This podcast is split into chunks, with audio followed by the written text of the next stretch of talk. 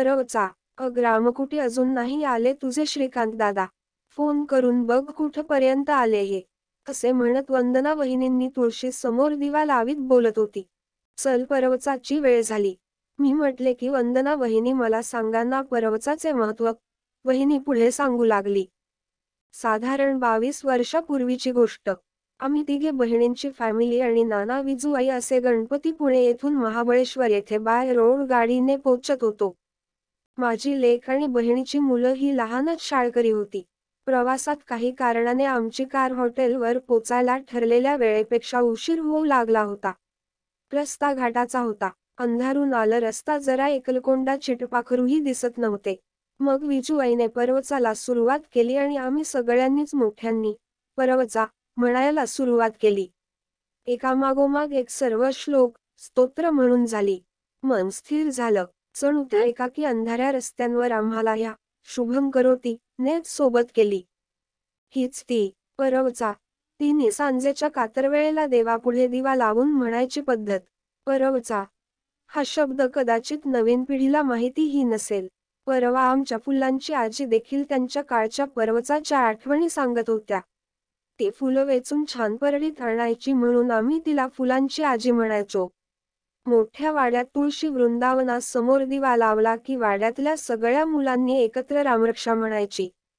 त्याची इतकी छान कंपन तयार होत असतं की वातावरण अगदी भारून जाई. फुल्लाची आजी सांगत होत्या काळ कितीही पुढे गेला जीवनशैली कितीही आधुनिक झाली तरीही ह्या गोष्टींच महत्त्व आणि होणारा परिणाम अजूनही तेवढाच प्रभावी आहे. मला आठवतंय लहान असताना मला आणि माझ्या बहिणीला रामरक्षा म्हटल्याशिवाय जेवायलाही मिळत नव्हतं. तीच रामरक्षा आज अजूनही पन्नासाव्या वर्षी ही घडाघडा न चुकता पाठ आहे. मनातली भीती आणि आपल्याच शरीराच्या प्रत्येक अवयवांच रक्षण करणारे रामरक्षेतले श्लोक नुसतीच संस्कृत अक्षर नाहीत बरं. त्यातल्या प्रत्येक अक्षराची तुम्हाला प्रचिती आल्याशिवाय राहत नाही. या ज्योती नेसरे आपदा आरोग्यासह मिळे संपदा. दुहेरी अवतरण चिन्ह शुभम तिथले हे वाक्य म्हणताना त्यातला भाव आपणाला अक्षरशः मनाला भावतो. आणि तेच स्पंदन नकळत शरीरावर आणि मनावरही परिणाम घडवतात. गणपती बाप्पाचा अथर्वशीर्ष हे तसंच. अनुदिन अनुतापेही करुणाष्टके किंवा मनाचे श्लोक काय? मनाची क्षमता वाढवणारी ही स्तोत्रे त्या काळीच लिहून ठेवलेली होती. ती आज जरी म्हटली तरी आपलंच आपल्याला काउन्सिलिंग होतं. पावन भिक्षा दे रे राम. या रामदासांच्या ओव्या तर जणू जगण्याची मूल्यच अशी ही. परवचा. अनेक स्तोत्र श्लोक त्याबरोबर तालात म्हटलेले पाढे निमकी पावकी काय विषादास तोंडी हिशोब चुकेल. आपल्याच मनात काही कारणांनी आलेली कटुता वाईट भाव दुष्ट बुद्धी या सगळ्याचा निचरा करण्याचा परवचा हा स्रोतच जणू. तुम्ही कितीही मोठे व्हा वयाने पैशाने प्रतिष्ठेने दिवसभरातील चिंता ताण दगदग धावपळ तुम्ही जेव्हा संध्याकाळी घरी येताना तेव्हा उदबत्तीचा मंद सुवास देवघरातली शांत समय आणि जोडीलाही परवचा. विचारांचा आणि शरीराचा थकवा क्षणात विसरून तुम्हाला सकारात्मक ऊर्जा देण्याचं सामर्थ्य यातून नक्कीच मिळत. वंदना वहिनी मी स्वयंपाकाचे बघते असे म्हणत स्वयंपाकघरात निघून गेली. श्रेया आणि श्रुती आता रामकुटी आत्या एक गोष्ट सांग असा आग्रह करीत होती. ठीक आहे ऐका असं म्हणत मी सांगायला सुरुवात केली. एक तरी ओवी अनुभवावी. कौरव आणि पांडव आश्रमात राहून शिक्षण घेत होते. एकदा त्यांच्या गुरूंना काही कामानिमित्त बाहेरगावी जायचे होते. जाताना त्यांनी सर्व विद्यार्थ्यांना ते परत येईपर्यंत काही पाठांचा अभ्यास करण्यास सांगितले. पंधरा दिवसांनी गुरु परतले आणि प्रत्येकाने काय काय अभ्यास केला याविषयी विचारणा करू लागले. प्रत्येक जण आपण कसा जास्तीत जास्त अभ्यास केला याविषयी सांगू लागला. शेवटी धर्मराजाची पाळी आली. धर्मराज म्हणाला गुरुजी मी एका वाक्याचा अभ्यास केला. धर्मराजाच्या तोंडचे उत्तर ऐकताच गुरुजींना खूप राग आला. कारण धर्मराज हा त्यांचा अत्यंत आवडता आणि हुशार विद्यार्थी होता. ते ओरडले काय रे या सर्वांपेक्षा तू मोठा आहेस बुद्धिमान आहेस आणि तरी सुद्धा तू केवळ एकाच वाक्याचा अभ्यास केला म्हणतोस. तुला लाज वाटली पाहिजे. धर्मराज शांतपणे म्हणाला गुरुजी माझा नाईलाज आहे. परंतु एवढ्या कमी काळात मी खरंच एक वाक्य शिकलो.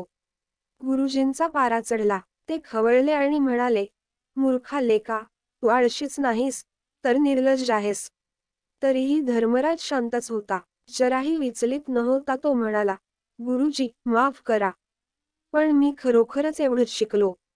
गुरुजींना राग आवरेना त्यांनी रागाच्या भरात धर्मराजाच्या थोबाडीत मारायला सुरुवात केली. तरीही धर्मराज शांतच होता. त्याच्या तोंडावरचे भाव जरासुद्धा पालटले नव्हते. आता मात्र गुरुजी वरमले. त्यांना वाटले की धर्मराजाच्या म्हणण्यात काहीतरी तथ्य असले पाहिजे. ते म्हणाले बाळ तू कोणते वाक्य शिकलास ते तरी सांग. धर्मराजाने आपली वही आणून दाखवली. तिथे लिहिले होते कोणत्याही परिस्थितीत आपल्याला राग येऊ देऊ नये. या एका वाक्यासरशी गुरुजी आणि बाकी विद्यार्थी काय समजायचे ते समजले. विनाकारण शिक्षा केल्याविषयी गुरुजींनी धर्मराजाची क्षमा मागितली.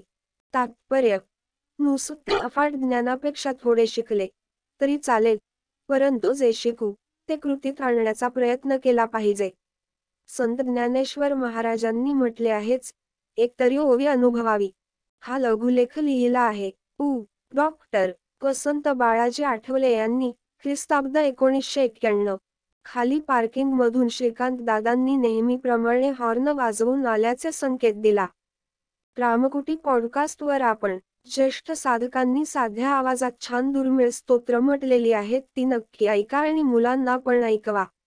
रामकुटी पॉडकास्ट आपण Apple podcast Amazon music Jio Saavn Gaana Google podcast Spotify TuneIn YouTube आणि जगातील पॉडकास्ट पुरवणाऱ्या सर्व्हिसवर आपण रामकुटी सर्च करा. रामकुटीचे spelling R A M A K U T I किंवा मराठीत रामकुटी असे टाईप करा. नवीन संदेश घेऊन परत भेटूच. आपलीच रामकुटी.